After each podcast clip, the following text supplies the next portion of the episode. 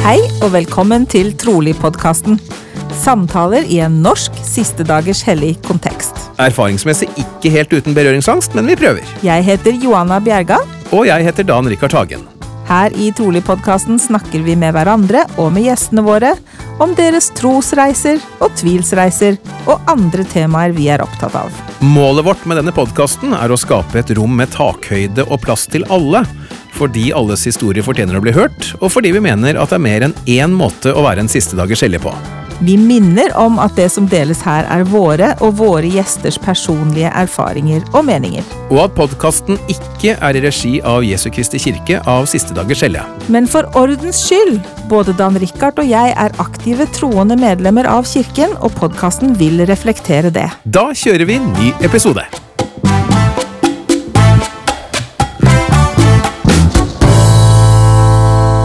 Da er det jo en stor glede å igjen kunne ønske velkommen til en ny episode av Trolig-podkasten, og vi setter over til Stavanger. Hallo, Dan. Hvordan går det der borte?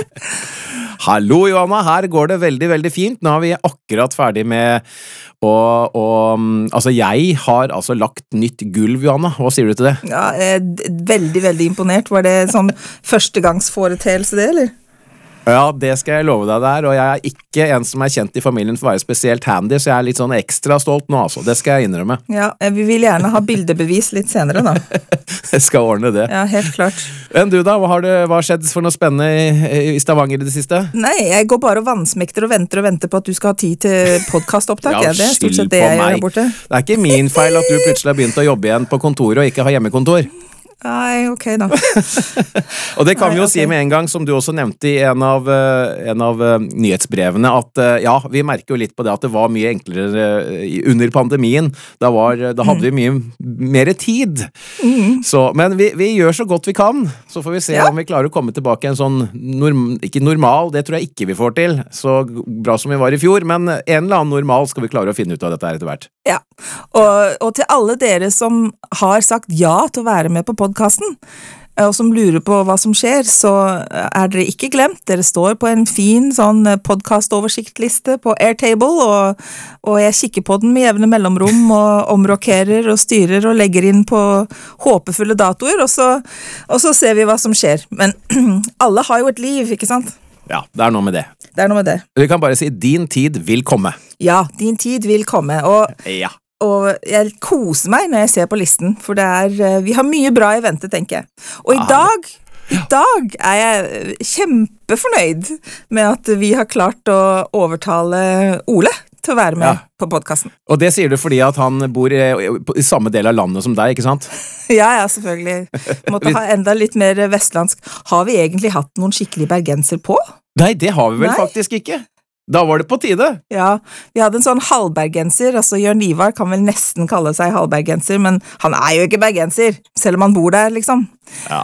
Og um, Ole, eh, for de som følger med oss på sosiale medier, så har dere kanskje fått med dere at eh, Ole Johansen Sjurdal er en, en, eh, hva skal vi kalle det, hyppig kommentator på, på podkastinnleggene.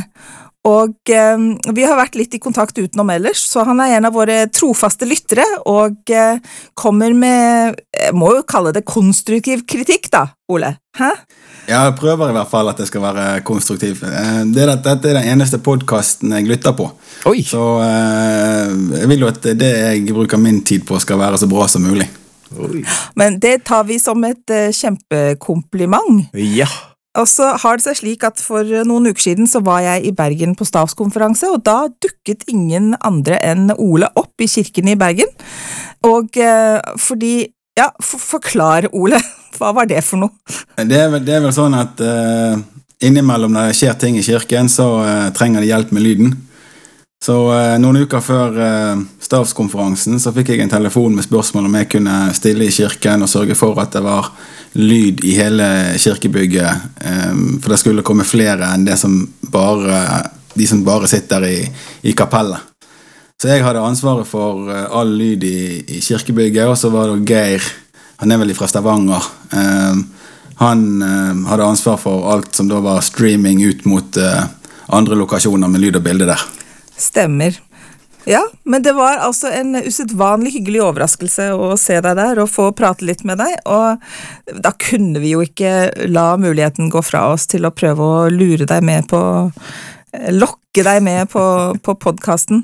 Ja, var, jeg har- vel for så vidt forventet det. Altså det. Det er vel sånn når man er litt engasjert og gir litt tilbakemeldinger, så vil det spørsmålet dukke opp. Eh, Så jeg har for så vidt forventet det, men jeg ville jo ikke tro at det skulle komme så fort. Miraklenes tid er ennå ikke forbi, som det heter. Ja. Nei. Så da har vi jo eh, Du kan jo kanskje introdusere deg selv bitte lite grann, eh, for de som kanskje ikke vet hvem du er, og som eh, ikke Fordi ja, du er jo ikke sånn kjempetittgjeng, du er jo innom av og til, men det er jo da i anledning jeg håper å si, yrket ditt, da, som lydtekniker. Ja, I kirken i Bergen så, så er jeg stort sett eh, på besøk én gang i året. Det er når primærbarna skal ha eh, julespillet sitt. Eh, Da har vi som tradisjon i min familie at da eh, reiser vi i kirken. Eh, Det hender da at eh, jeg får spørsmål om å hjelpe til med lyd og lys. Eh, Bortsett fra det så eh, har jeg ikke gått i kirken siden 96. Så det er en stund siden. Det er en stund siden. For å ta den enkle, øh, kjappe beskrivelsen. Jeg er en sjenert gutt fra Bergen. Jeg er fjerdegenerasjons medlem.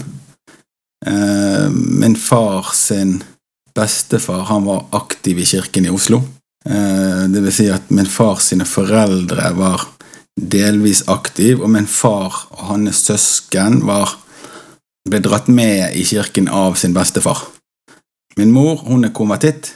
Hun eh, jobbet i Oslo på slutten av 50-tallet.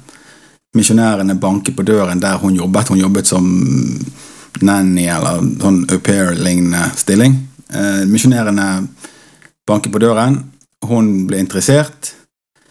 Eh, gikk på arrangementer i kirken. Eh, ble bestevenninne med pappa sin søster. Og gjennom der så, så eh, traff de hverandre. Pappa var jo da eh, kokkelærling, var, var på jobb i, i, i, på båt i sjøen. Eh, og han eh, var flink til å bruke sine penger når han var i land. Så han gikk og spurte sin søster om å få låne penger til å gå på kino med kompisene. Og søsteren sa nei, det får du ikke. Da sa min mor at eh, du kan få låne penger hos meg hvis du tar meg med på kino. Dette var høsten Jeg tror dette var høsten 58. Ok. De, de forlovet seg på nyttårsaften 58, og de giftet seg april 59. Så de eh, holdt, holdt sammen fra første dag helt uten eh, uten, uten stopp. Når han reiste i, Nordsjø, i sjøen når eh, de hadde fått, jeg tror de hadde fått første ungen. Da var det sånn at Mamma var en av fem søsken, eh, og alle de flyttet vekk fra Bergen. Så En til Kirkenes, en til Ålesund, en til Ål i Hallingdal og en til eh, Valdres. Da bestemte mamma seg for å flytte hjem til Bergen, sånn at en av søstrene bodde hjemme i Bergen med sin mor. Eh, da sa min mor ganske enkelt nå reiser du i Nordsjøen, pappa, eller Åge. Eh, når du kommer tilbake igjen, så har du et valg. Skal du være gift, så du blir bergenser.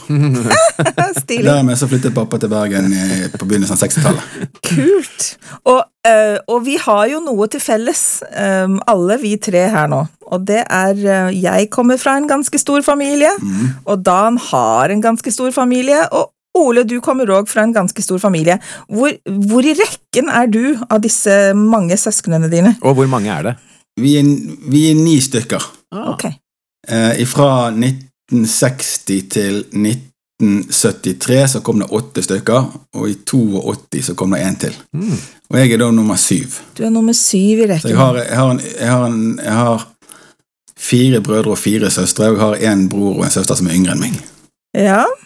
Um, Åssen var det, da, å vokse opp i en stor familie? Eh, Nå kjenner jeg ikke til noe annet, så for meg så var jo det helt normalt. Uh, hjemme hos oss så var det sånn at pappa var på jobb og mamma var hjemme. Eh, så, så når du kom hjem fra skolen, så var maten klar, og når du skulle på skolen, så var maten klar. Eh, hun lagde matpakke til alle ungene hver morgen på skolen. Eh, var oppe før oss andre og vekket oss og sørget for at vi kom oss ut døren, og sto der med middagen når klokken var fire. Så det var oss, altså det er jo sånn man er vant til. Det er jo noe helt annet i dag når gjerne begge foreldrene er ute på jobb og kommer hjem sliten og skal kjøre unger på trening og i alle retninger. Du har ingen planer om å få ni, du altså? Eh, den fleipen har jeg eh, dratt eh, et par ganger, og da får jeg bare en eh, enkel kommentar i retur på at eh, hvem skal du ha de med? Ja. Jeg er jo en av åtte, og eh, fire, fire var plenty. Den neste etter den fjerde ble en hund. Åssen er det med deg, Dan? Nei, nå har jo vi fått eh, enda flere katter vi da, siden sist vi snakket sammen, så det huset her er fullt av både mennesker og dyr, det nå. Ja, Så åtte barn. Så nå er det, nå er det fullt. Nå er det fullt. Åtte barn, tre katter og en hund. Nei, nei, nei, vi har uh, seks katter, tror jeg det er nå. og nå tror, jeg den, nå tror jeg den ene er gravid òg, en av de nye, så, så her blir det fullt. Ja da, det blir en fin jul. og en hund, da. Ja, ja. Og hva syns, hva syns hunden om alle disse kattene? Det tror jeg Det tror jeg er litt sånn eh, Litt sånn ambivalent. Hun syns det er veldig gøy å jakte dem, men kattene syns ikke det er like gøy, da. Nei. Så mye liv. Mye liv. Jeg vil, det er, min bror eh, sin kone driver jo med oppdrett, så de har i perioder eh, Jeg har telt åtte-ni hunder og en ti-tolv katter og så det, så det, Og det er liksom hunder av forskjellige raser, og det er katter av forskjellige raser. Ja, ja. Så det Dyr, dyr er ikke ukjent. Det er vel kanskje ikke feil å si at dette er nok litt for spesielt interesserte, og så holde på med det der. Ja, det er helt riktig. Det er mye lukter og mye som fører med seg som man bør være litt dedikert for å klare å leve med, vil jeg si. Ja. Men eh, nå som du har lagt sånn fint nytt gulv, hva er planen for å holde det fint og nytt? Du, der gjorde vi det eneste riktige og kjøpte veldig dyrt, eh, bra eh, Er det laminat det heter? Mm. Så godt inni, det er jeg ikke, men sånn. Ja. Så det Det holder. hjelper, det hjelper ikke. Nei. Å nei, ok. Ja, ja. Jeg har, gjort, jeg, har gjort mitt, jeg har gjort mitt beste, i hvert fall. Det skulle tåle både vann og øh, labber til hunder, og det ene med det andre fikk jeg beskjed om. Så vi Ja, når, de begynner, når de begynner å løpe over gulvet og sklir, så eh, kommer det en liten sånn strekk. Ja, da får vi tåle det. Det ser uansett bedre ut enn sånn det så ut. Men tilbake til øh, Det var denne podkastepisoden. Ja, ja, det var den. Ja, den, ja. det var Vet du, var. vi er så overlykkelige. Vi har, vi har litt sånn overtenning fordi vi er i studio igjen, tror jeg. Så vi liksom, det kommer til å være litt sånn all over the place hele da, men det, det, det er helt fint, for da er det mindre fokus på gjesten. Så det går helt greit. Nei da, for nå begynner det, skjønner du. Ja, riktig. Ja, Ole, nå, vi, må, vi, får, vi får ta det tilbake til begynnelsen, tenker jeg. Nå har du jo introdusert for så vidt familien din, og eh, for så vidt deg selv også. Men eh, la oss eh, gå igjennom eh, oppveksten din og, og hva som på en måte har skjedd på veien her. Du kan få lov til å begynne hvor du vil. Jeg tenker at uh, et godt sted å begynne på Altså, det er mange røde tråder i mitt liv uh, i kirken, i oppveksten i kirken. Um, det handler om vennskap, det handler om gode opplevelser, gode mennesker, som på en måte er noen røde tråder. Og så handler det om det å Altså, første gangen jeg visste at jeg ikke var god nok, var på primær på Fantoft, der primærlæreren stiller et vanlig spørsmål som er 'Hvem ønsker å reise på misjon?' Og et så enkelt spørsmål, når jeg ikke tar armen i været og sier meg, så får jeg et dømmende blikk ifra en annen gutt. Det er ikke fra de voksne, det er fra en annen gutt. Mm. Um, og den fulgte meg helt til jeg sluttet å gå i kirken. Mm. Um, jeg har reist på Baljaden og hørt voksne si hvordan skal vi få jentene til å bruke mindre tid rundt Ole? For han er ikke god nok. Ja vel. Han er ikke et godt eksempel. Ja. Jeg har hørt storebroren til en jente var forelsket i på Balliaden, si håper ikke hun er forelsket i han, for han er ikke god nok for oss. Mhm. Og det er så enkelt, altså.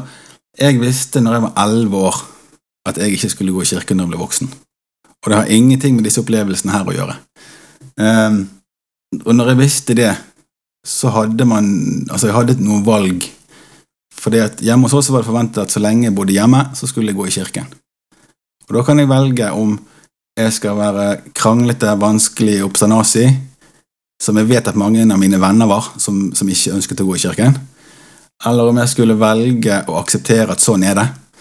Eh, og, og de konsekvensene som det på en måte har eh, gjennom livet. Og for meg så var det enkelt. Jeg valgte at jeg skulle godta det. Og så lenge jeg bodde hjemme, så, så eh, var jeg oppe i, oppe i kirken hver søndag. Jeg har fullført eh, eh, seminaret.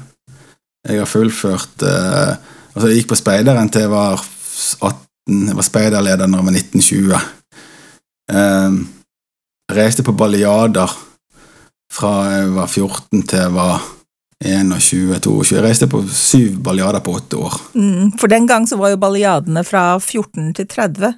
Det er jo et eget Ja. kapittel for seg. Nå er det jo bare 14 Ja, ja. til 18. Jo, jo, men altså, altså jeg, jeg, var, altså, jeg visste at jeg ikke skulle være i kirken, så jeg valgte bevisst, når jeg reiste på baljaden, så gjorde jeg det ikke for å finne meg en dame, for, ikke for å finne meg en partner for livet, for jeg visste at jeg ikke kunne tilby evigheten til noen. Mm -hmm. um, så jeg valgte ikke Altså, jeg har aldri i mitt liv kysset en snill kirkejente.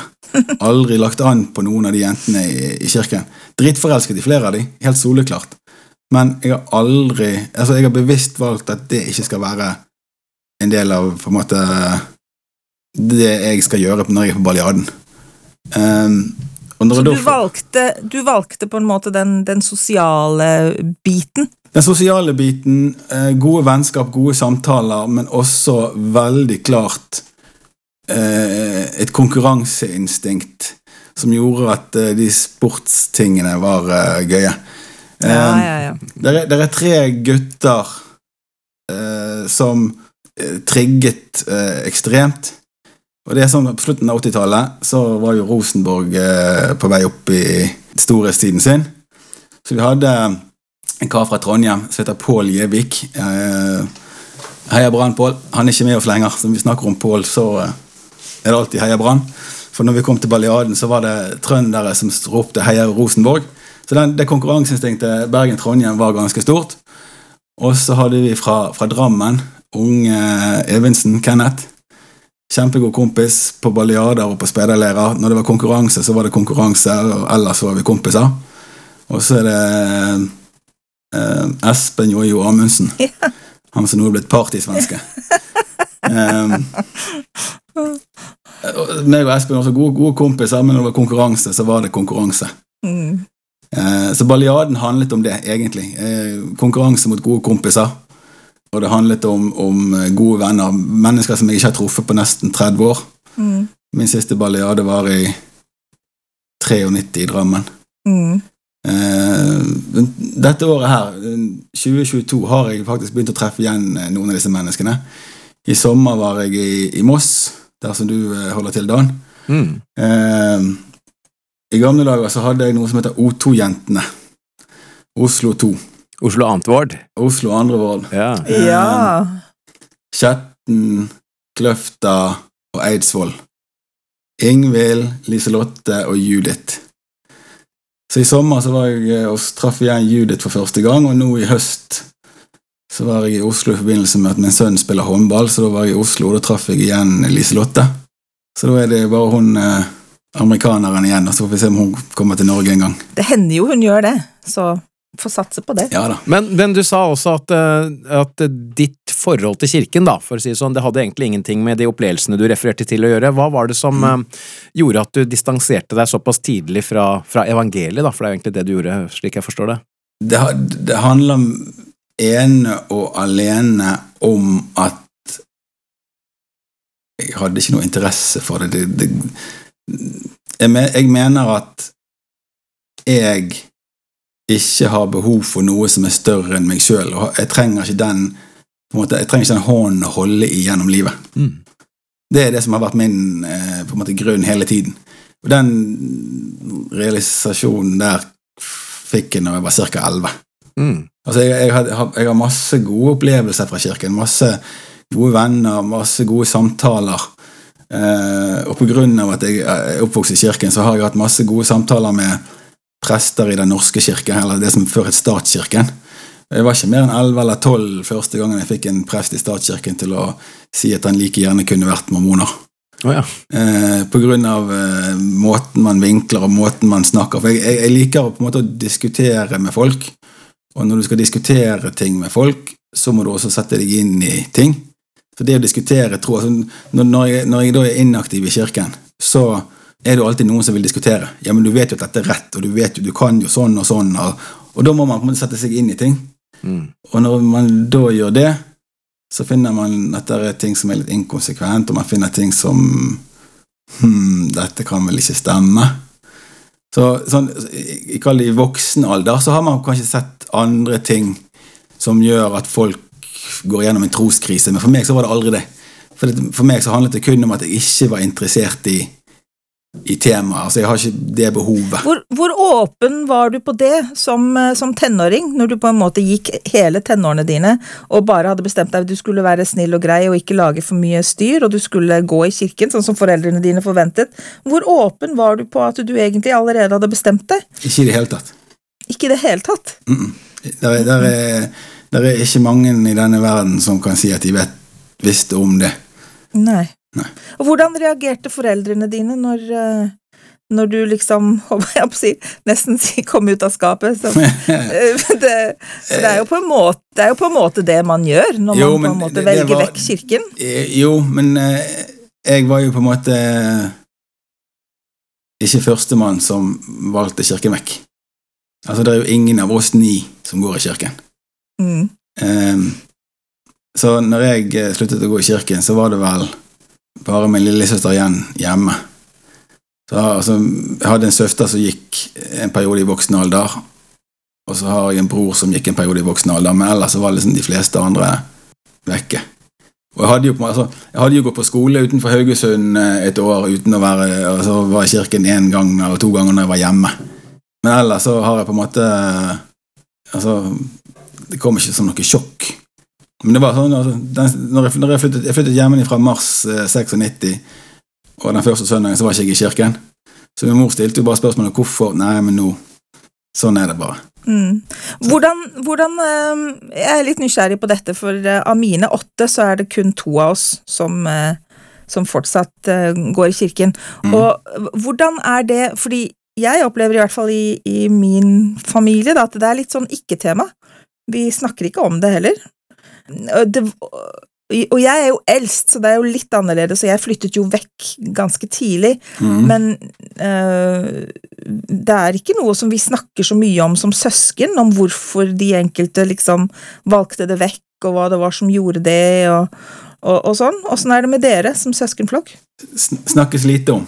Eh, jeg har prøvd innimellom å ta litt sånn Når jeg snakker sånn én til én. Um, for det er, det, er, forskjellige grunner til hvorfor man har valgt vekk. Eh, noen har opplevelser. altså Jeg har en bror som var på misjon, og som etter misjon valgte det vekk. Um, det, er for, det er forskjellige grunner til hvorfor vi har valgt kirken vekk, men det er ingen som på en måte snakker mye om det. Nei. Så det at jeg er her nå, det har gjort at jeg har pratet litt grann med et par av mine søsken om dette her, for å få deres på en måte tanker om enkelte ting. Mm.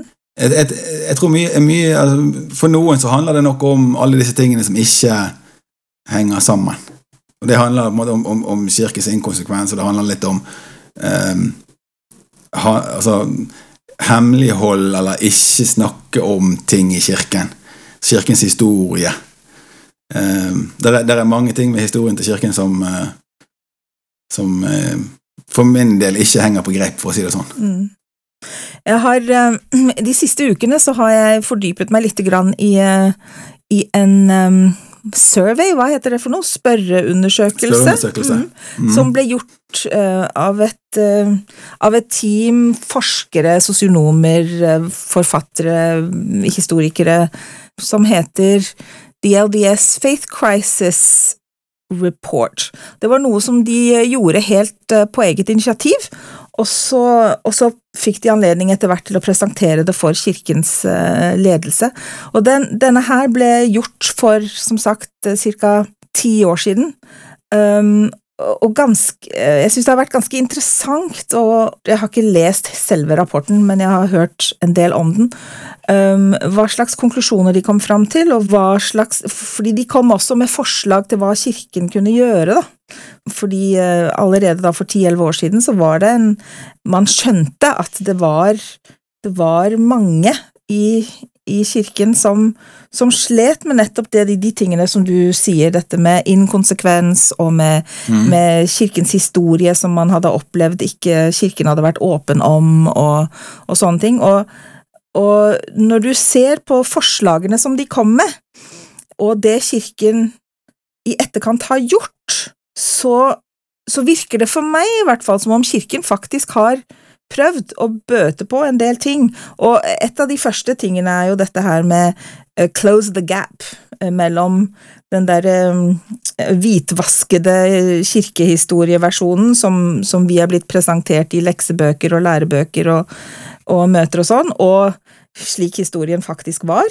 Ikke sant? Mm. Og så uh, Og der føler jeg liksom at kirken har jo prøvd litt, ikke sant? De har ja, gospel, det går, gospel det, det ja, Too little, too late. Altså ja. Gospel Topics Essays, Joseph Smith Papers um, De har gjort en del ting.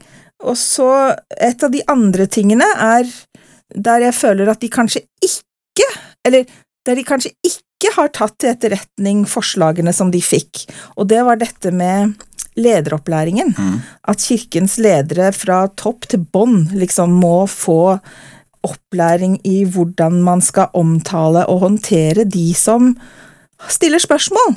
Mm. Um, fordi fremdeles så opplever jeg at, uh, at, vi får høre fra talerstolen, og både på generalkonferanse og, og lokalt, at uh, ja, men de som, de som velger vekk kirken, så er det så er det latskap eller uh, mis, Eller at de er blitt fornærmet, eller at uh, at de, ikke, ja, at de ikke gidder å gjøre arbeidet for å få et skikkelig vitnesbyrd. Og det, det, det har vært noen få. altså Uchtdorf har vel vært inne på det og liksom sagt at det er ikke så enkelt. Ballard har nok vært inne på det og sagt at det er ikke så enkelt, og at vi må slutte å bagatellisere og slutte å, å trekke det ned på et sånn enkelt Liksom å trekke konklusjoner, for, for det, er, det, er, som du sier, altså alle, det er jo ikke jevnt over at folk har like, altså, jeg, jeg måte, like grunner. Altså, jeg har jo gjennomført seminaret, lest alle bøkene, satt opp klokken altfor tidlig om morgenen for å lese før jeg går på skole. Altså, jeg har fulgt alle disse her rådene. Mm. Eh, det ga jo meg allikevel ikke noe altså, Det ga meg ikke et bedre liv. Nei. Det gjorde ingenting med meg som menneske. Um, der er, der er, for for ca. ti år siden så var det en kar borte i USA som var, han var ferdig på misjon. Han gikk inn eh, og ble, eh, giftet seg i tempelet, fikk unger. Så gikk han inn i en, i en troskrise. Begynte å stille en del spørsmål. Mm. Stilte spørsmål til eh, sine ledere. Fikk ikke svar. Fikk ikke mm. noe konsekvente svar. Um, så hadde han òg en bestefar som kjente en i kirkens utdanningssystem, altså Church Educational System, som var direktør der. Mm. Eh, fikk, lov å, fikk beskjed på at du kan ringe til og snakke med han. Ringer og snakker med han, og så sier han her var det mange interessante spørsmål. Kan du skrive de til meg, så jeg kan få det som et brev, så kan jeg svare på de sånn punktvis.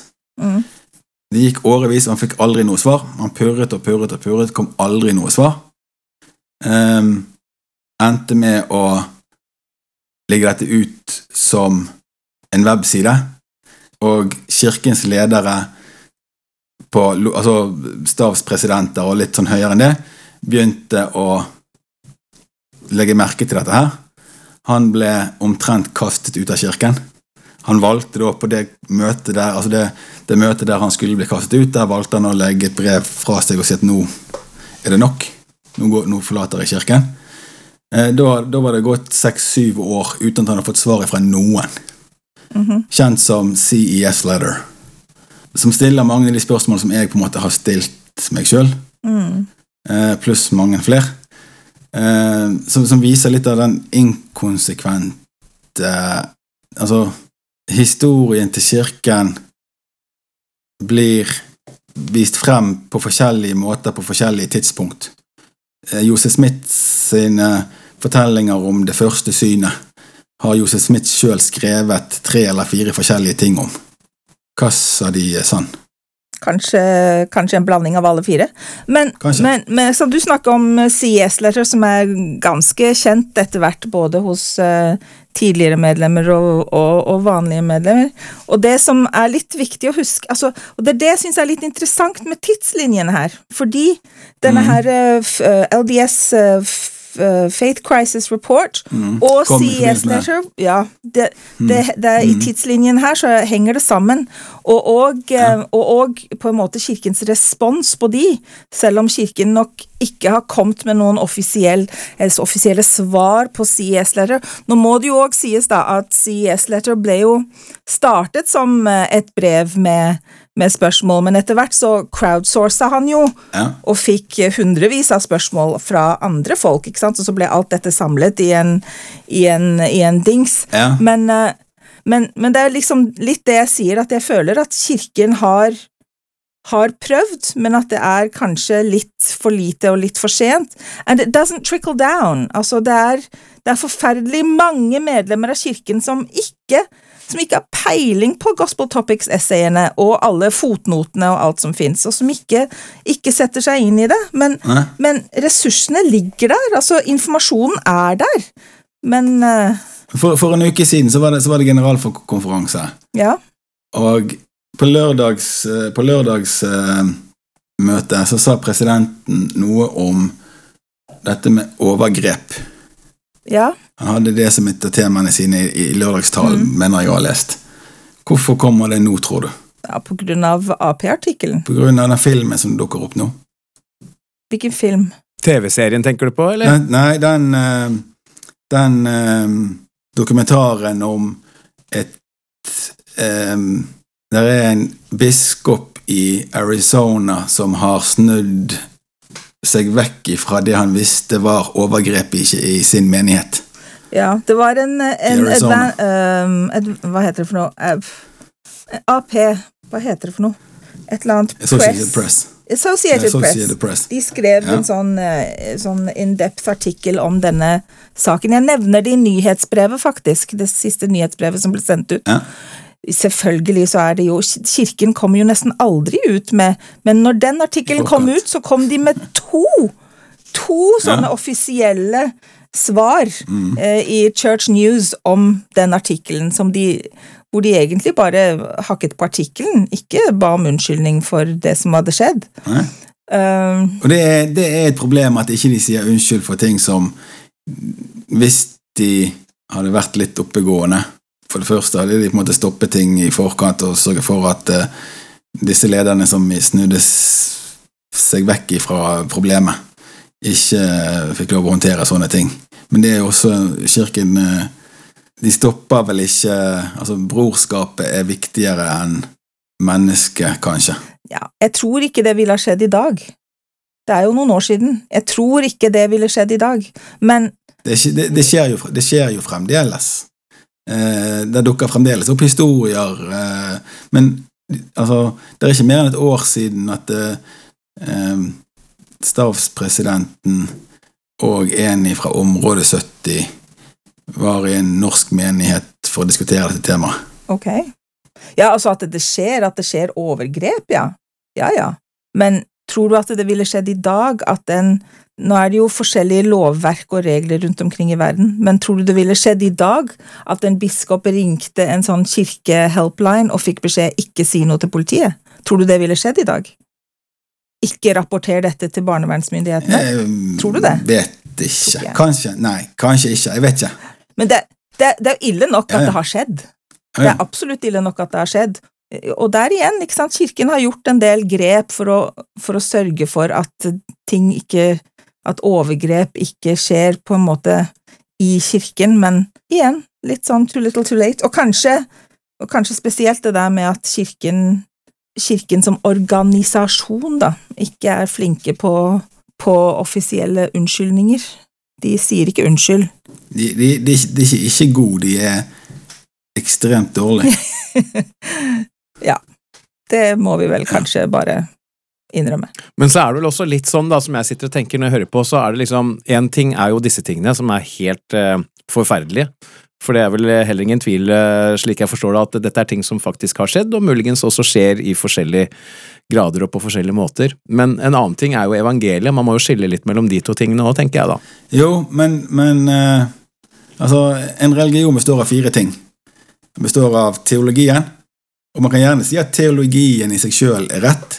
Man kan gjerne si at uh, det er bra, vi skal, vi skal være snille og gode og oppføre oss fint og, og, og, og alt det. det. At det er riktig.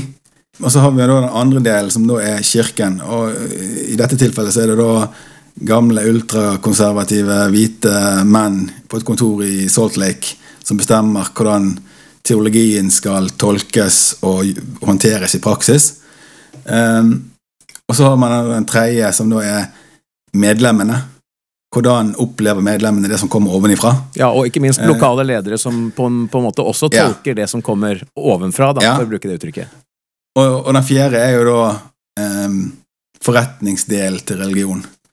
Og forretningsdel til eh, Siste dagers hellige religion er jo ekstremt godt utviklet. Eh, det finnes vel eh, 2,1 milliarder såkalte kristne totalt i verden. Det finnes vel 1,8 Jeg husker ikke om det er 1,8 milliarder muslimer, eller om det er katolikker, og så er 1,4 av det andre. Og i verden så er Siste dag hos kirken fjerde rikest. Mm. Så det er en ekstremt godt utviklet forretningssans. Mm. Mm. Men det er ganske ferskt, Ole. Det er ganske ferskt. Jeg leste en rapport her for uh, noen måneder siden hvor jeg ble litt sånn å ja, ok. At det var faktisk ikke før uh, typ Var det 70-80-tallet at kirken liksom virkelig begynte å, å, å samle seg mye penger? Altså at helt fram til da 70 70 70-tallet Ja, sant, at- at- begynte de med aksjer og sånne ting. at fram til det så hadde eh, så hadde kirken alltid vært litt sånn Hatt et litt sånn prekær økonomi, faktisk. Mm. De hadde et veldig sånn sterkt prinsipp om at de skulle betale alt cash, Ja. men det var òg en ganske stor belastning for medlemmene. Altså, altså Når kirken i Bergen ble bygget, og når kirken i Trondheim ble bygget, og sånn, så var det, måtte jo medlemmene selv eh, samle inn penger og betale for eh, byggingen av, eh, av kirkebygget. Eh, 80% eller noe sånt? 60 Ja, altså, Kirkebygg i Bergen Kirkebygg i Bergen kaller jo vi i vår familie for min fars hus. Ja, ja, ja. For min far var med og bygget det på 60-tallet. Han var deltidsvaktmester på 70-tallet. Han ble 100% vaktmester på 80-tallet. ja. Eh, og har det nå som pensjonist eh, som et kall i, I kirken. mm. Så det er mitt fars hus. Ja, og det er det. Det er det. Eh, så det er, jo, det, er jo, det er jo ganske ferskt, dette her, at kirken har masse, masse penger. Jo da, men altså, det, det er jo sånn litt sånn gøy. Altså, kirken altså, Vi er jo lært opp til at cola skal ikke vi drikke. og, så, og så begynte kirken med aksjer. Og så kjøpte man aksjer i Coca-Cola Company. Så plutselig så står det en generalautoritet på talerstol i tabernakelet med en flaske cola. Nei, det gjorde han ikke, men han sa at han hadde drukket den uh, the, the brown drink that shall not be named, og alle lo. Men, Men eh, jeg, jeg, når jeg var liten, så fikk jeg beskjed på av voksne i kirken at han hadde stått på talerstolen og drukket cola på talerstolen i tabernaklet. ja, det har ikke jeg. Det, det ble oppstandelse i Bergen menighet på 70-tallet. 78, eller hvor tid det var. Men altså, jeg òg er jo av den generasjonen som ble vokst opp med det at vi skulle ikke drikke cola. Men Og nå, ikke sant, det- og nå, og nå er det sånn eh, Akkurat sånn som um, endringene nå i For the Strength of Youth, som skjedde nå på generalkonferansen, hvor de har fjernet alt som er av henvisninger til tatoveringer, til ekstra øreringer Da er ikke jeg på det lenger. Til, til- ikke synd på det Nei, lenger. sant, ok? Og på skjørtelengder på jentene og bare alt, okay. alt det der er fjernet. Alt er vekk. Alt nå er det bare sånn prinsippbasert, og du vet, og du har sant, Kroppen din er hellig, og du vet hvordan Fem, du centimeter, fem centimeters regel på dansing på baljarden Alt er vekke. Alt, alt, alt. Nå er det bare Nå du skulle vokst opp, skjønner du. Nå er alt sånn prinsippbasert. Selvfølgelig, og på tide, tenker jeg. Men det er jo klart Mm. at vår generasjon Vi setter oss jo tilbake, og så sier vi eh, Spilte det ingen rolle, da? Var det ikke Mhm. var det ikke doktrine sånn som vi trodde? Var det ikke lære som vi trodde? Var det bare policy og tradisjon og, og eh, menneskebud? Ja, det var det. Jo, men det, det altså, så, jeg- men så må, så må du liksom skille, ikke sant? Sånn, så må du skille, da. Ikke sant? Altså, hva var det Hva er det vi egentlig tror på her? Jo, jo. Men? Hva er det, hva er det Og som du sa i stad, du fullførte seminar, men du ble ikke noe bedre menneske av det. Men altså, jeg har liksom nå siden 78 prøvd å finne hvor går grensen for hvor mye koffein har du lov å ha i den koppen. Kaffe, kaffe er ulovlig, cola er lovlig. men det er ikke koffein som er problemet, har vi fått beskjed om nå. Så hva, så hva er problemet? Ja, nå, Så hva er problemet? nå er ikke så det det. problemet? Nei, men det, det var det vi opplært til. Ja, det Dan. Mm. Drikker du Cool? Drikker du Pepsi? En sjelden gang, ja. Og jeg gjorde det ikke Ja. som ung. Jeg var alltid veldig konsekvent på å ikke drikke cola eller Pepsi. Og i, det er først kanskje de siste par årene at jeg eh, har åpnet litt opp for det. Og så tenker jeg som så at, ehm, at det er ikke noe jeg ønsker å gjøre i noe særlig grad. Fordi jeg tenker litt som så at eh, jeg ser at det kan være litt avhengighetsdannende. Altså, jeg har jo noen slektninger som bælmer ned, så tenker jeg ok, nei, men dit vil ikke jeg. Så derfor så tenker jeg at um, jeg tenker at visdomsordet og det, egentlig det meste vi lærer, det handler om på en måte å ta vare på seg selv på best mulig måte og bruke sitt eget hode, sant? Som Josef Smith også sa, vi lærer dem prinsippene, og så lar vi dem styre seg selv. Så kan man selvfølgelig diskutere, ja, men har det alltid vært sånn da, i og med at, mm, at det har vært såpass, eh, kall det regelstyrt, som nok mange føler på, inklusive meg selv også, eh, kjenner igjen det. Men ehm, kanskje det har vært nødvendig en tidligere tid? Who knows? Jeg liker, ikke sant, Vi snakker jo en del om dette, at vi snakker om, del om troskriser. og nå det siste så har jeg begynt å tenke på det mer som en trosreise. Vi snakker jo ofte om det i podkasten, ikke sant? Kan du dele din trosreise? Fordi selv om man kanskje har vært gjennom en troskrise, så er det kanskje bare en, en prosess. Det er en, en trosreise.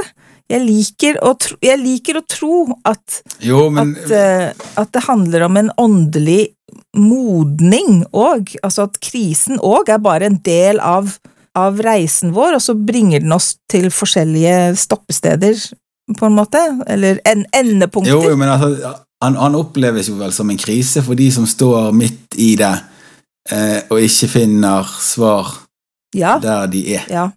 At den oppleves Ja, som en krise. Ja, ja, ja, er du gal? Ja. Det er mye lettere å kalle det en trosreise når man har kommet ut på andre enden, uansett hvor man ender opp, Mm. tenker jeg. Ja, selvfølgelig. Men, selvfølgelig. Ja. men i ditt tilfelle så har det kanskje ikke vært noen krise, da, eller? For at du, Nei, Nei? eh, ikke i det hele tatt. Det var, det var, eh, jeg prøver å si at jeg er litt mer faktabasert eh, i min tankegang, og veldig sånn enkel på akkurat de tingene. Mm. For det, det, det, det var aldri jeg, jeg, Det var bare sånn Ok, dette blir min fremtid. Mm.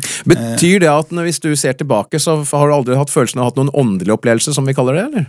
Jo, altså eh, Er man i en setting der Altså Når man reiser på, på Ung i Nord i, i 1990, så var det jo mange sterke vitnesbyrd. Så, så, så selvfølgelig altså når, når man har noen én-til-én-settinger med, med gode mennesker i kirken, så selvfølgelig opplever man noe. Så handler det om da, hva velger man å bruke det til.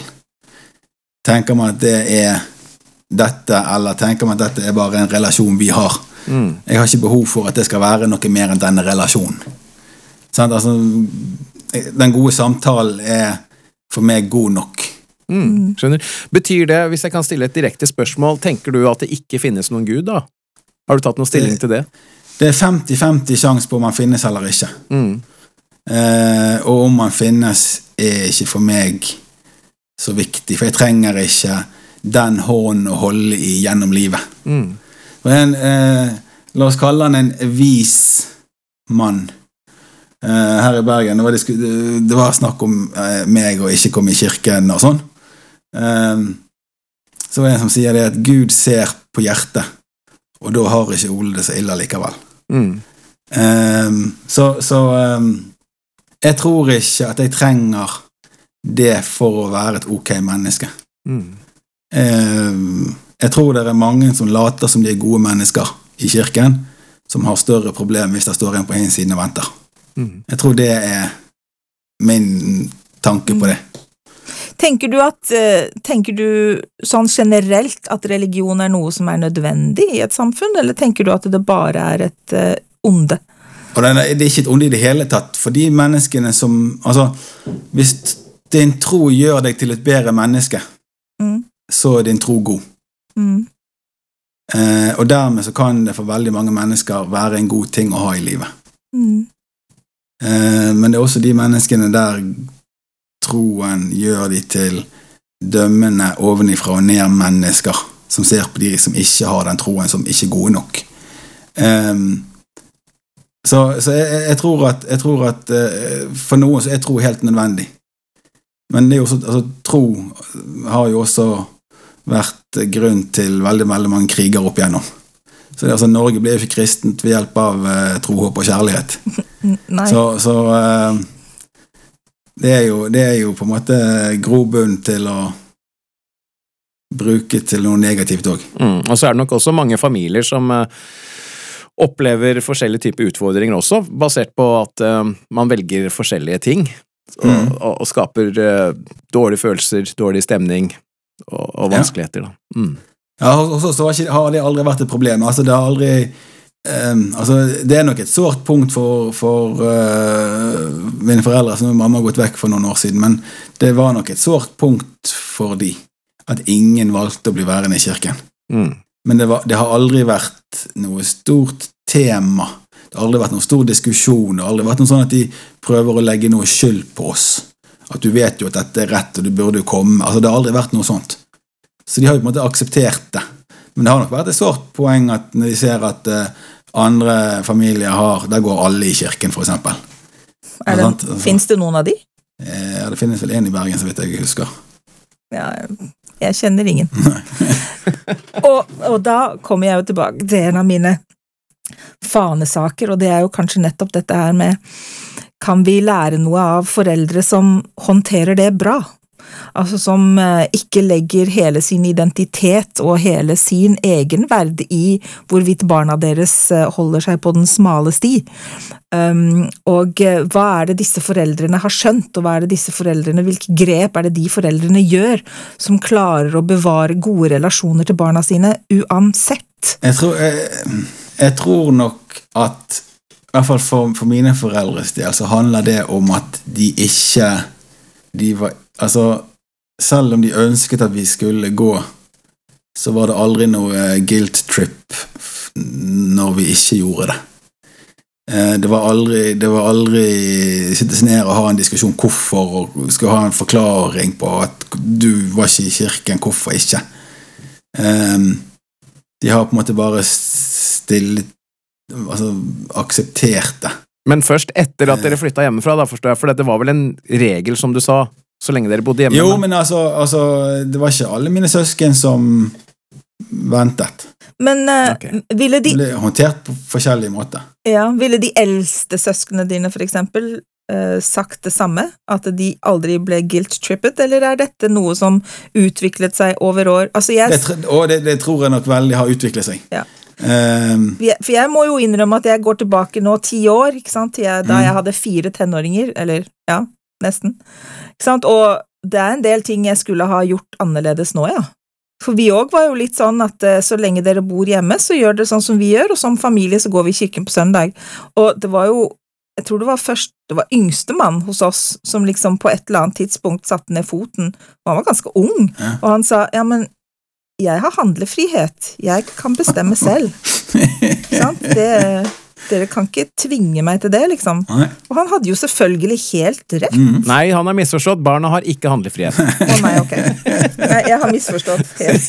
Ja, men jeg skulle gjerne gått tilbake, kjenner jeg, Ja. og, Jo, men, og vært mer Og vært mer Ja, du har handlefrihet. jo, men det er ikke sikkert at det hadde gjort noe annet på resultatet. Nei, det tror jeg ikke, men det hadde kanskje spart oss for en del eh, en del konflikter underveis, da. Ja, Sant? Og, og, og mindre dårlig stemning hjemme. samvittighet. Ja. Og mindre dårlig samvittighet, ikke sant? Mm. Altså som, som foreldre så så tror jeg nok at de fleste av oss går gjennom en fase hvor vi er litt sånn åh, jeg, jeg er ikke god nok, sånn som du sa Ja. i begynnelsen der. Ja. At jeg har ikke gjort jeg har ikke, å, Kanskje hvis jeg ikke hadde jobbet fulltid og hadde orket å, å ha familiens hjemmeaften hver uke og hadde klart å få til familieskriftstudium alltid, og, sant? kanskje da, men, men jeg tror de fleste av oss kommer til et punkt hvor vi skjønner at vet du, de er selvstendige mennesker. De, de, de har sin egen reise og sin egen prosess, og vi, vi er egentlig bare sånn fasilitatorer, på godt norsk. Altså, vi skal jo egentlig Og sitt eget ansvar. De må ta ansvar selv også. sant? At vi skal Vår jobb er vel mest å være heiagjeng, tenker jeg, Ja. i, mer enn noe annet. Altså, hvis vi tror på det vi tror Do we even believe our own stuff? Ikke sant? Hvis vi tror på det vi tror, så er vi jo Vi er jo søsken med barna våre, på en måte. Sant? Altså, vi er jo alle We're just following each other home. Altså, vi, vi er jo like likestilt, egentlig, sant? Så, så vår jobb som foreldre er mye mer å bare Ja, det er en støttefunksjon, det er ikke en Ja, tenker Det er jeg. ikke, det er ikke, Men det er ikke, ja, jo da, jeg, jeg, jeg ser hva du mener, men jeg tenker på en måte at uh, på en eller annen måte så må det være noen rammer for hvordan livet hjemme hos familien Bjerga skal fungere. Og da er, det, da er det jo sånn at ok, det å gå i kirken er kanskje en av de rammene, mm, inntil noen sier at den vil ikke jeg være innenfor lenger. Sant? Altså, mm, så velger man, så velger man sjøl hvordan og når og, og sånn. Sant? Altså, hos oss var det sånn at eh, en av mine søstre flyttet vel ut når hun var 16, eller noe sånt. Um, og altså, min lillesøster sier jo det at hun opplevde sin oppvekst som ekstra streng. For det var et resultat av alt det gale vi andre hadde gjort. Så Derfor så var mine foreldre ekstra strenge med hun. Åh, Mener jo hun. Oh. Ja, ja. Så hun, hun, hun ble jo ekstra oppstandasig fordi at hun, rammene ble strammet. Og hos oss så var det nok omvendt. Uh, at jo yngre sant, altså, Jeg var jo snill og grei og føyelig, men de yngre søsknene mine tok seg friheter på et mye tidligere tidspunkt uten at det fikk konsekvenser for dem. Mm. Jeg var jo snill og grei, så jeg fikk jo på en måte aldri noen konsekvenser. men, men jeg innbilte meg jo at hadde jeg oppført meg sånn som de gjorde, så hadde det fått store konsekvenser. Men Ja. kanskje ikke. Kanskje jeg tok feil. Hva sier du, Dan? Blir du, blir du mildere med årene, eller blir du strengere med årene? Ja, det er et Strengere. godt spørsmål. strengere. Nei, jeg blir nok ikke strengere. Um, Har du gitt opp? ja, egentlig litt, faktisk. Det er, det er nok litt i den retningen. eh, Ikke, ikke gitt opp, men uh, kommer til anerkjennelsen av, som jeg sa i stad også, for det første at uh, ja, de har jo den handlefriheten. Sånn er det. Og, uh, og de har også sitt eget ansvar. Som jeg tenker. Så, så, så, så det som føles bra oppi alt sammen, er at jeg føler at jeg og, og Linda, min kone, vi har egentlig forsøkt, eh, etter vår beste evne, å formidle eh, det vi tror på, og dele våre vitnesbyrd, eh, holde hjemmeaftener og, og disse tingene.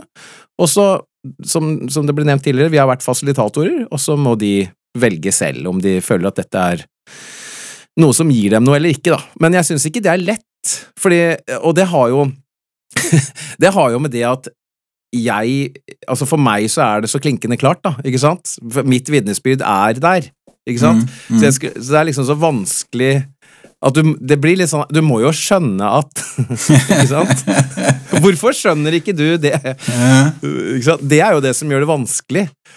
Men ja, det, det, det er en modningsprosess for foreldre også. Hvor gamle er barna dine, Ole? Jeg har eh, to gutter. De er tvillinger, de er 16, og så har jeg en prinsesse som er 18. Ok.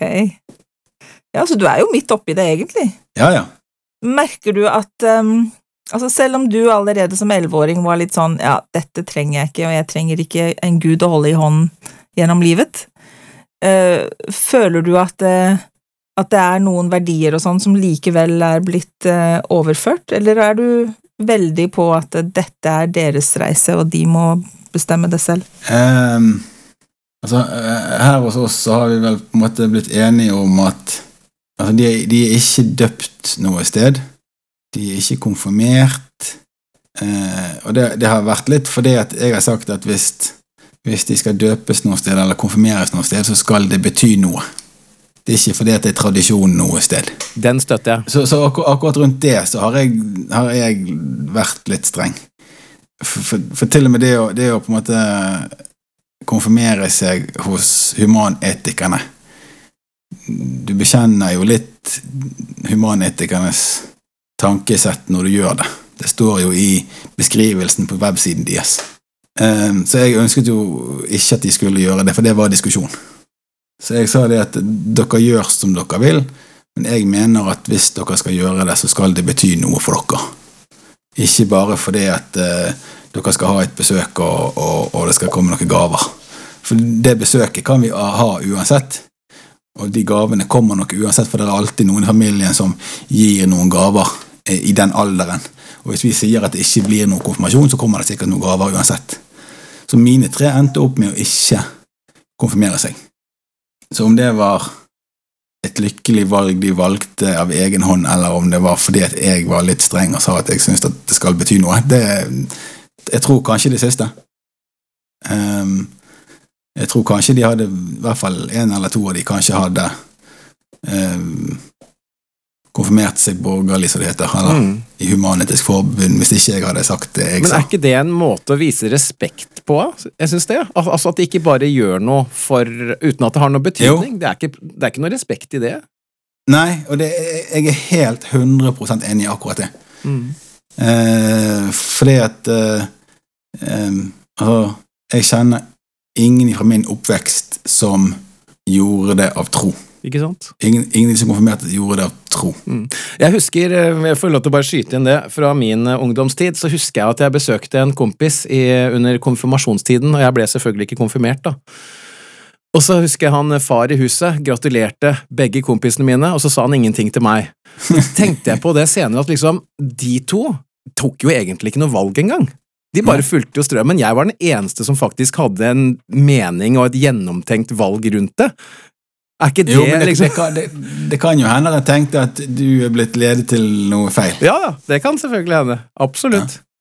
Jeg tror ikke det var så mye tro i den familien, sånn at selve handlingen egentlig hadde så stor betydning. Altså, men, eh, men, det har slått meg i etterkant, liksom. Eh, derimot så hadde jeg en lærer som sendte et kort hjem til meg og gratulerte meg med et modent valg.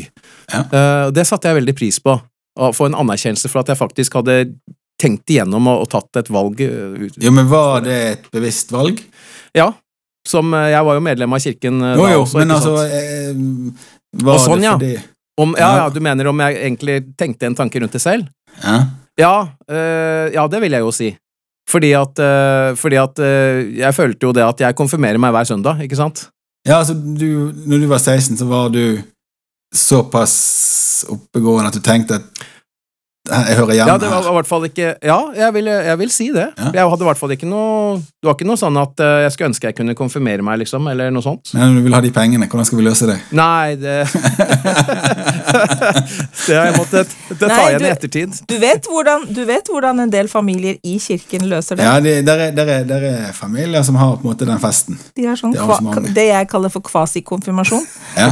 Men um, dem om det, og for all del, altså jeg syns jo det er fint fint å feire 15-åringene. Ja. Det er fint, mm. fint Overgang til å bli voksen.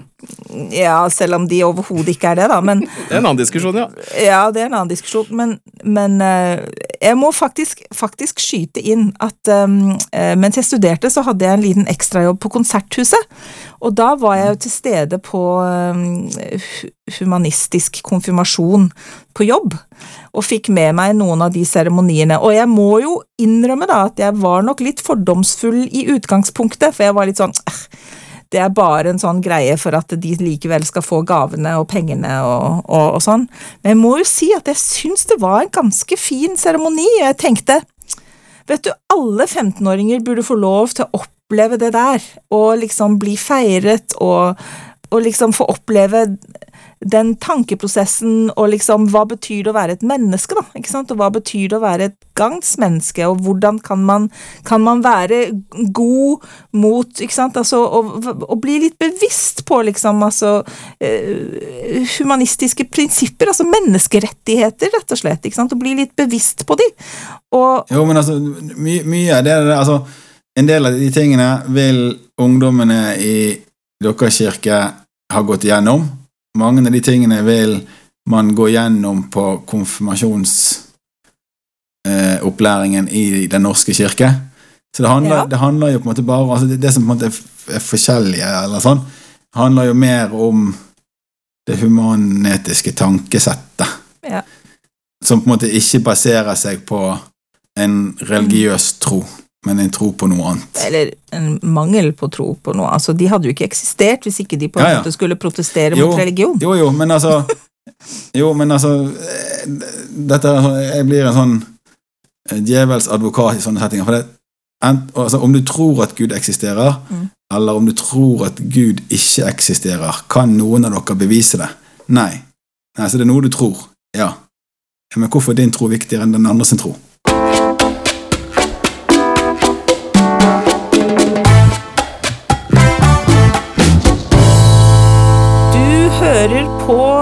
Trolig-podkasten. I dag snakker vi med Ole Johansen Sjurdal. Eh, ekte bergenser. Um, uten at det har noe med saken å gjøre. Men nå er tiden kommet for at vi skal eh, stille våre faste spørsmål. Og da begynner vi med eh, hvordan definerer du tro? Dette lærte jeg på seminaret i gamle dager. Tro er noe du håper er sant, som du ikke kan bevise. Eller ikke har sett? Ja. Ja. Ja. ja.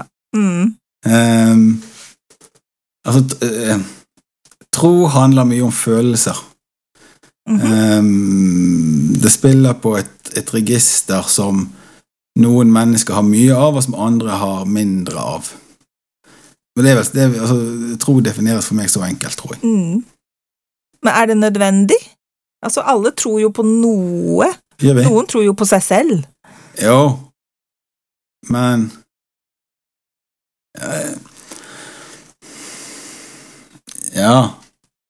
Jeg tror jo for så vidt på meg sjøl. Altså, eh, noen sier kanskje at jeg tror i overkant mye på meg sjøl, men eh, og, altså, Jeg vet ikke om alle har behov for å ha en eller annen type tro i den sett... Altså, I hvert fall ikke i en religiøs setting.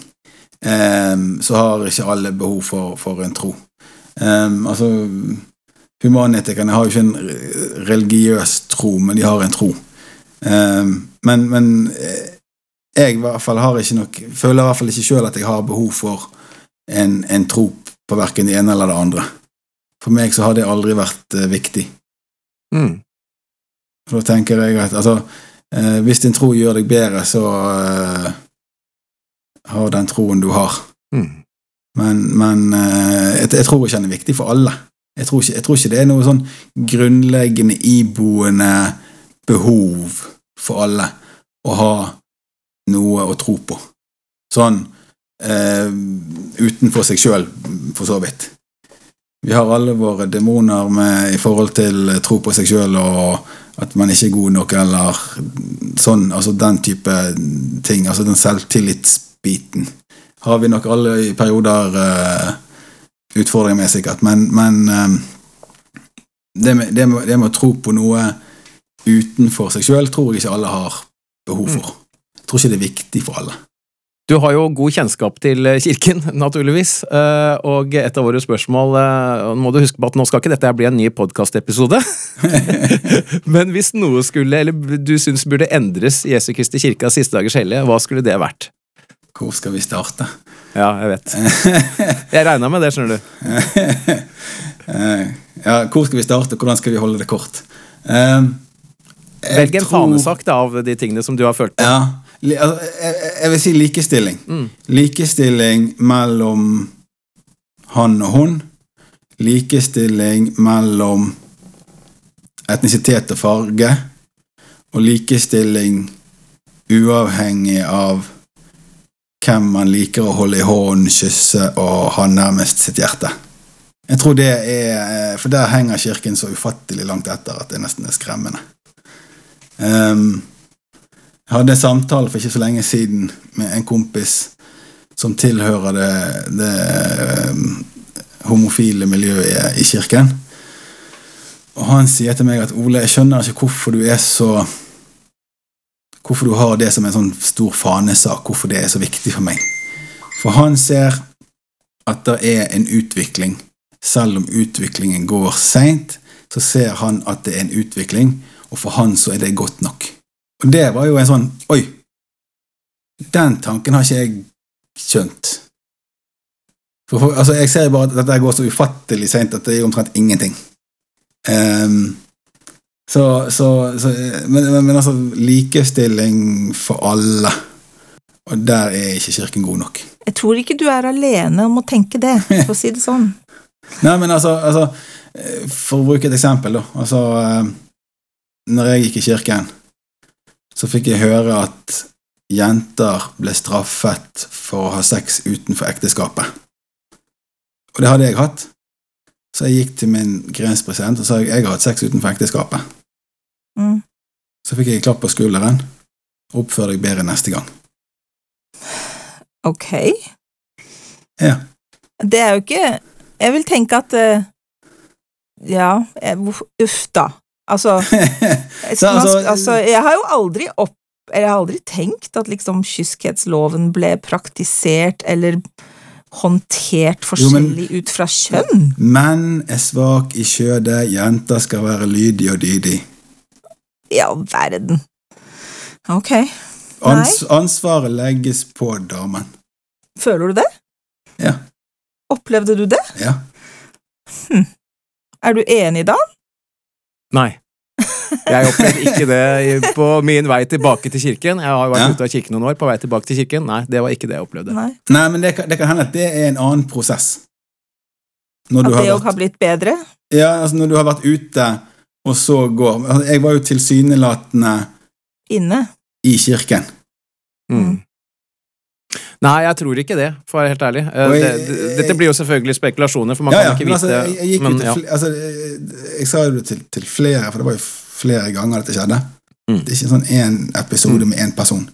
Så kan det hende at det er flere som har gitt meg opp. Det, det er godt mulig, det vet jeg jo Ja. ikke. Og så er det jo Men- dessverre slik at eh, hvordan ting blir praktisert, vil jo selvfølgelig avhenge av hvem det er som sitter i biskops- eller grenspresidentsembetet, og Mm. måten de tenker hvordan håndtere dette best mulig på, ikke sant? Det, det vil Jo, jo jo, jo, men så har det på en måte vært en episode med en dame som ble kalt inn der det sitter fire konservative menn og dømmer. Mm. Det står i Bibelen at ingen er satt på denne jorden til å dømme andre, men kirken har jo konstituert det. Mm.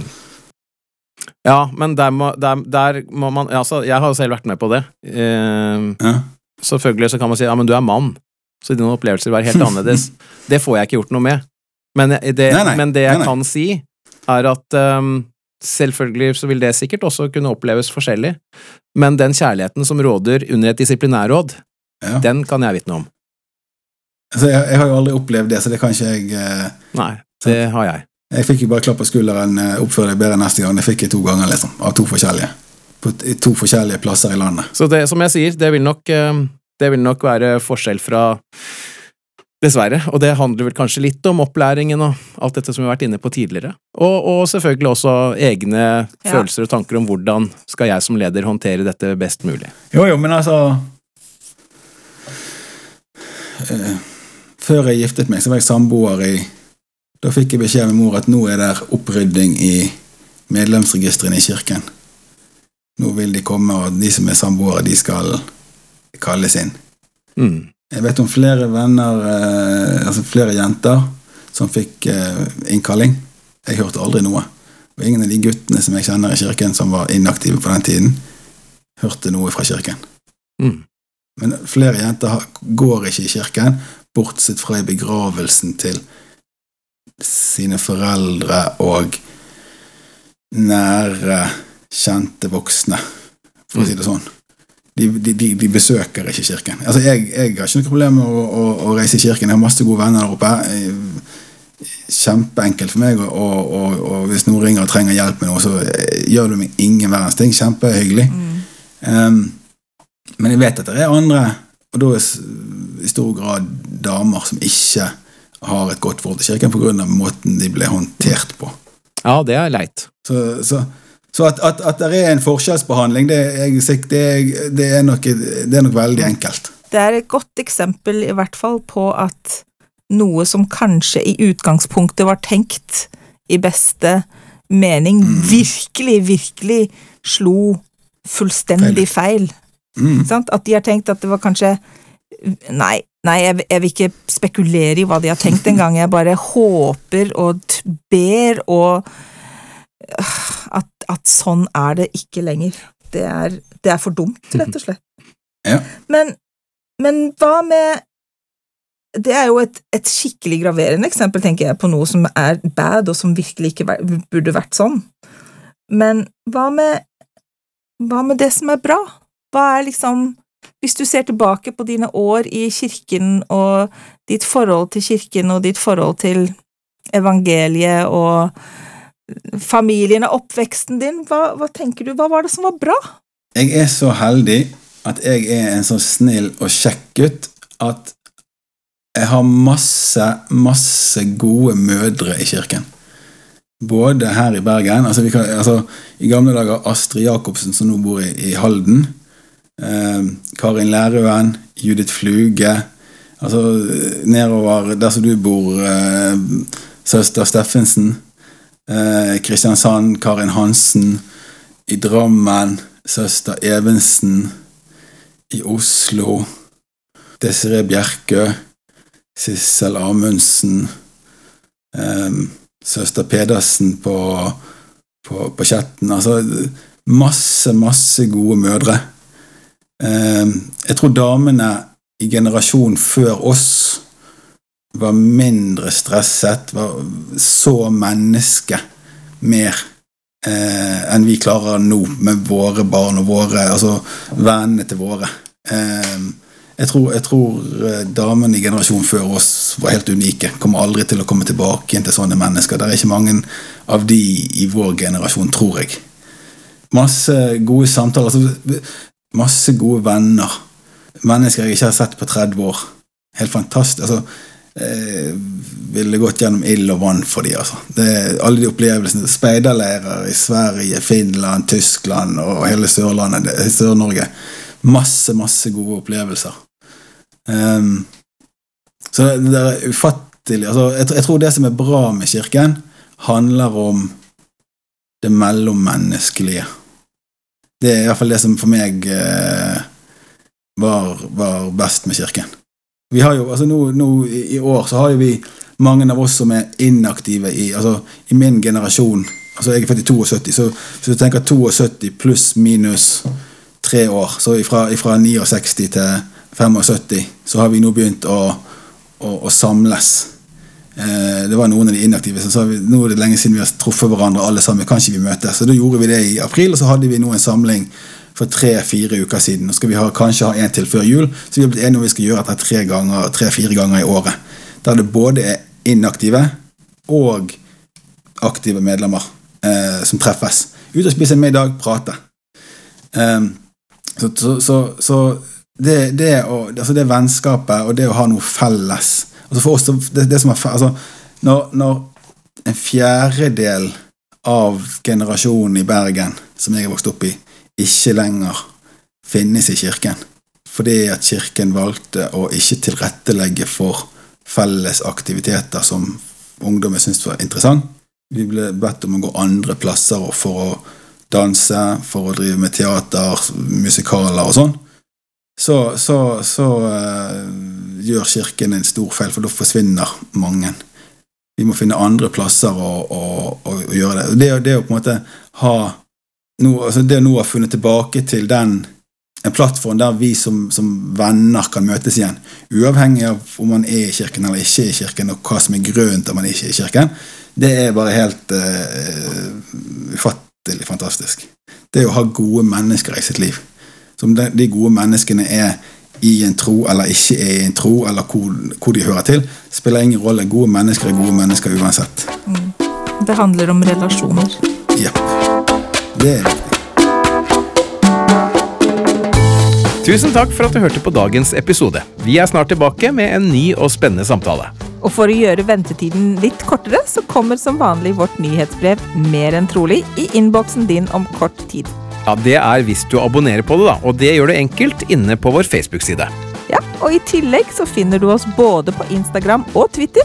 Som oppdateres med jevne og ujevne mellomrom. Har du forslag til enten temaer eller gjester du syns vi burde snakke med? Send oss en e-post til troligpodkast med k at gmail.com.